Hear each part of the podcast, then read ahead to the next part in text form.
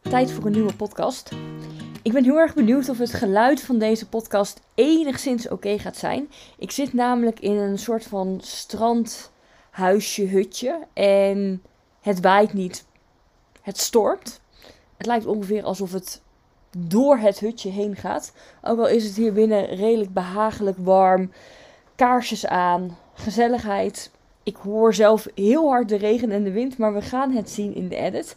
Ik voelde namelijk het moment om even een korte podcast op te nemen. En wel over de vraag die ik vanochtend kreeg van een van mijn coaches, deelnemers in een van mijn groepsessies. En zij vroeg me: Maris, wat vind jij nou eigenlijk belangrijker, omzet of winst? En ik vond dit een hele mooie vraag. En ook een vraag waar ik een antwoord op gaf, maar daarna in mijn hoofd dat antwoord nog wat uitbreiden. Nog wat andere invalshoeken op dat antwoord vond. En haar zelf ook nog even een voice message heb gestuurd met: Oké, wat aanvullingen op de antwoorden die ik vanochtend gaf. En dat is eigenlijk wel vaker uh, wat ik doe, vooral in mijn programma's, waar ook een stukje één op één bij zit en waar we met een wat kleiner groepje zijn. Dan nou, dit was weer een, een, een algehele vraag, maar als er een vraagstuk is over: oké, wat zou jij doen in deze situatie? Of heb je nog een idee hiervoor? Of heb je nog een tip? Dan is er altijd wel 90% wat ik een soort van on the spot weet en bedenk. En dat is eigenlijk altijd onvoorbereid, maar dat je een soort van in het moment voelt van: oké, jij zou dit moeten doen, en jij zou dat moeten doen, en jij zou dat moeten doen. Maar altijd op die momenten daarna en dan vooral als ik uh, in de auto zit, als ik op de fiets zit, als ik onder de douche sta. Dan ben ik soms nog eens wat aan het, aan het nadenken over die klantkaas. En dan denk ik soms, ah, maar dit moeten we nog toevoegen. En dan uh, ontvang je van mij wel eens een voice note met een visie op die nog even naar boven kwam. Maar kijk het naar de vraag, wat vind ik belangrijker, omzet of winst? Zonder omzet kan je nooit winst maken. Dus in dat optiek vind ik omzet in de eerste fase van het ondernemerschap belangrijker dan winst. Want als je net start, dan kunnen we wel heel erg zeggen: Nou ja, ik mag helemaal niks uitgeven, want uh, ja, dan moet de winst zijn. En misschien nog heel even algeheel: wat is omzet, wat is winst? Omzet is alles wat je van de klant binnenkrijgt, dus wat klanten je betalen. En winst is hetgeen wat overblijft. En winst hebben we ook nog in verschillende smaken. We hebben de winst voor de jaarlijkse belasting, de winst na de jaarlijkse belasting. Maar over het algemeen, de winst is altijd minder dan de omzet. Want het gat tussen je omzet en je winst zijn je kosten. Dus als je net start, net bent begonnen, vind ik omzet belangrijker dan winst. Want we hebben eerst klanten nodig. We hebben eerst een validatie in de markt nodig. We hebben eerst verkopen nodig. Want anders kunnen we ook niet zorgen dat dat geld wat we binnenkrijgen met de verkopen bij ons blijft. Dat we dat een soort van vasthouden of grotendeels vasthouden aan winst. Dus in het begin eerst omzet. Maar dat wil niet zeggen dat we moeten zorgen dat we vanaf de start winstgevende omzet hebben voordat we omzet gaan maken. En dat ik omzet in de eerste fase dus belangrijker vind dan winst. Misschien vind ik nog wel belangrijker dat we vanaf de start en dus omzet maken waar wel degelijk wat aan kan overblijven. Ik ga je even het concept van winstgevende omzet uitleggen. Winstgevende omzet is eigenlijk omzet die je maakt in een verdienmodel, in een prijsstelling, in een prijsstrategie die klopt. Een voorbeeldje, als je, en ik zit hier eventjes om me heen te kijken in mijn strandhuisje, want dan kom ik altijd op inspiratie voor voorbeelden. Ik zie eigenlijk vrij weinig. Laten we zeggen een kaars. Ik, dat, is, dat is wat ik hier zie staan. Als we die kaars verkopen voor 6 euro en we kopen die kaars in, of we maken die kaars zelf, we smelten hem, we smelten hem in wakskaars. Eh, ik koop hem in voor 5 euro en ik verkoop hem voor 6 euro. Als die 6 euro dan ook nog eens in de BTW is, moet hem nog delen door 1,21, want die BTW is niet van jou. Nou, met of zonder BTW voor die 6 euro, daar houden we niet zoveel aan over. En dan kan ik heel veel klanten verzamelen. Omdat ik dan allemaal kaarsen heb verkocht van 6 euro. Maar ja, al zijn dat 100 kaarsen, heb ik 600 euro. Als ik ook weer 500 euro wegdoe, was inkoopkosten van die, van die kaars. Ja, dan kunnen we groeien en schalen. Maar daar houdt niet echt over. Dus ja, bij de start van je bedrijf, dus laten we zeggen, en het hangt een beetje af van wat voor type bedrijf je hebt, maar eigenlijk onder de 5000 euro per maand, misschien ook nog onder de 10.000 euro per maand, is omzet het allerbelangrijkste. Als je een kapitaalintensief bedrijf hebt, dus een bedrijf met veel kosten en producten, ligt die grens ietsjes hoger dan als je wat minder kosten hebt, wat minder inkoopkosten. Maar in die fase, fase 1, focus op omzet.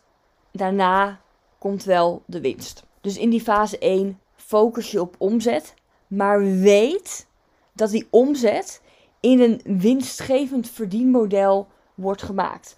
Ik, laatst sprak ik ook iemand. Uh, zij had een soort van agency. Um, zij haalde de klanten binnen en daar verdeelde ze zeg maar allemaal taken onder haar team van freelancers. Uh, denk aan advertenties maken, teksten schrijven, visuals maken, foto's, etc.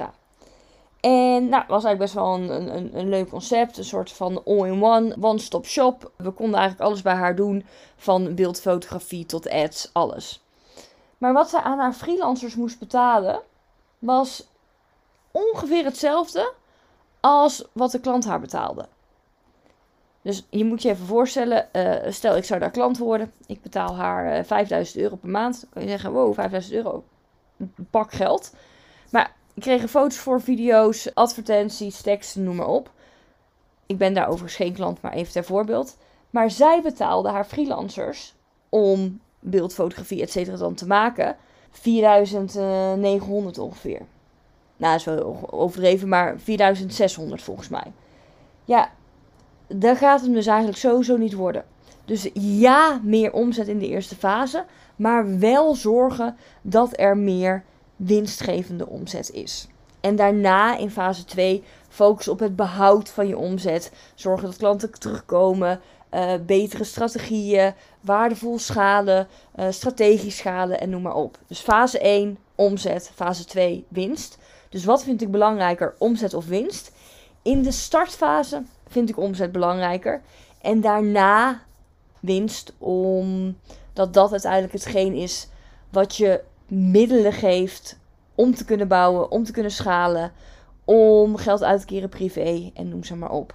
En dat is ook interessant als je bijvoorbeeld kijkt naar wat is een bedrijf nou waard. Dat is trouwens het thema voor mijn Expand Live dag. Uh, de Expand Live dag op 3 november. En die heeft al plaatsgevonden als deze podcast online komt. En ik zal even een recap maken van de Expand Live dag in een uh, podcast ook. Maar die live dag heeft het thema waarde creëren. En daarin zoomen we ook eerst in op wat bepaalt nou de waarde van je bedrijf. Dus stel je wil je bedrijf op een gegeven moment verkopen. En dat klinkt altijd nog soms een beetje ver van mijn bedshow. Oeh, wil ik mijn bedrijf verkopen? Maar veel ondernemers zijn hier misschien nog niet bewust mee bezig, maar willen op den duur het bedrijf wel verkopen. En de verkoopwaarde, tuurlijk, het is ook een beetje zoals de huizenmarkt, wat de gek ervoor geeft. En de verkoopwaarde wordt heel erg verhoogd als het een uniek concept is, als het nergens anders in de markt is, als het veel toekomstige waarde heeft. Dus dat we verwachten met de ontwikkelingen dat in de toekomstige jaren er nog veel cashflow wordt gegenereerd uit het bedrijf. Maar als we kijken naar de maatstaven, en dit zijn hele traditionele maatstaven, want we kijken vooral dus ook naar de toekomstvisie en het unieke van het bedrijf en eigenlijk de terugkerende waarde in het bedrijf. De traditionele maatstaven om de waarde te berekenen van een bedrijf zijn onder andere, onder andere, er zijn meerdere maatstaven, vijf keer de netto winst, dus de winst na de belasting, en één keer de jaaromzet. Om maar aan te geven, stel je wil je bedrijf waarderen en je bent benieuwd, oké, wat is de waarde eigenlijk van mijn bedrijf?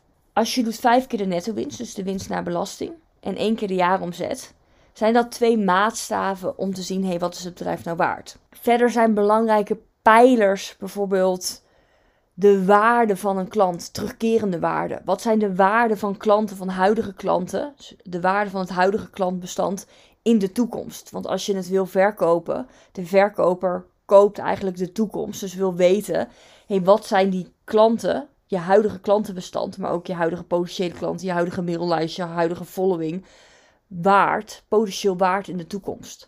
Maar ook heeft strategische waarde te maken met systemen en processen. Is je bedrijf heel erg gericht op jou? Of is het eigenlijk overdraagbaar? Kan het ook doorgaan als jij het dadelijk hebt verkocht? Het gaat om de processen om steeds maar weer nieuwe klanten te genereren. Of valt het eigenlijk droog? Valt het eigenlijk stil? Als je het zou verkopen qua nieuwe klanten. En ik merk dat ik. Uh, ik heb de podcast even uitgezet en weer uh, aangezet. Want er was hier iemand in dit uh, huisje in de, aan de deur. Misschien vraag je je ook af wat ik in dit strandhuisje doe.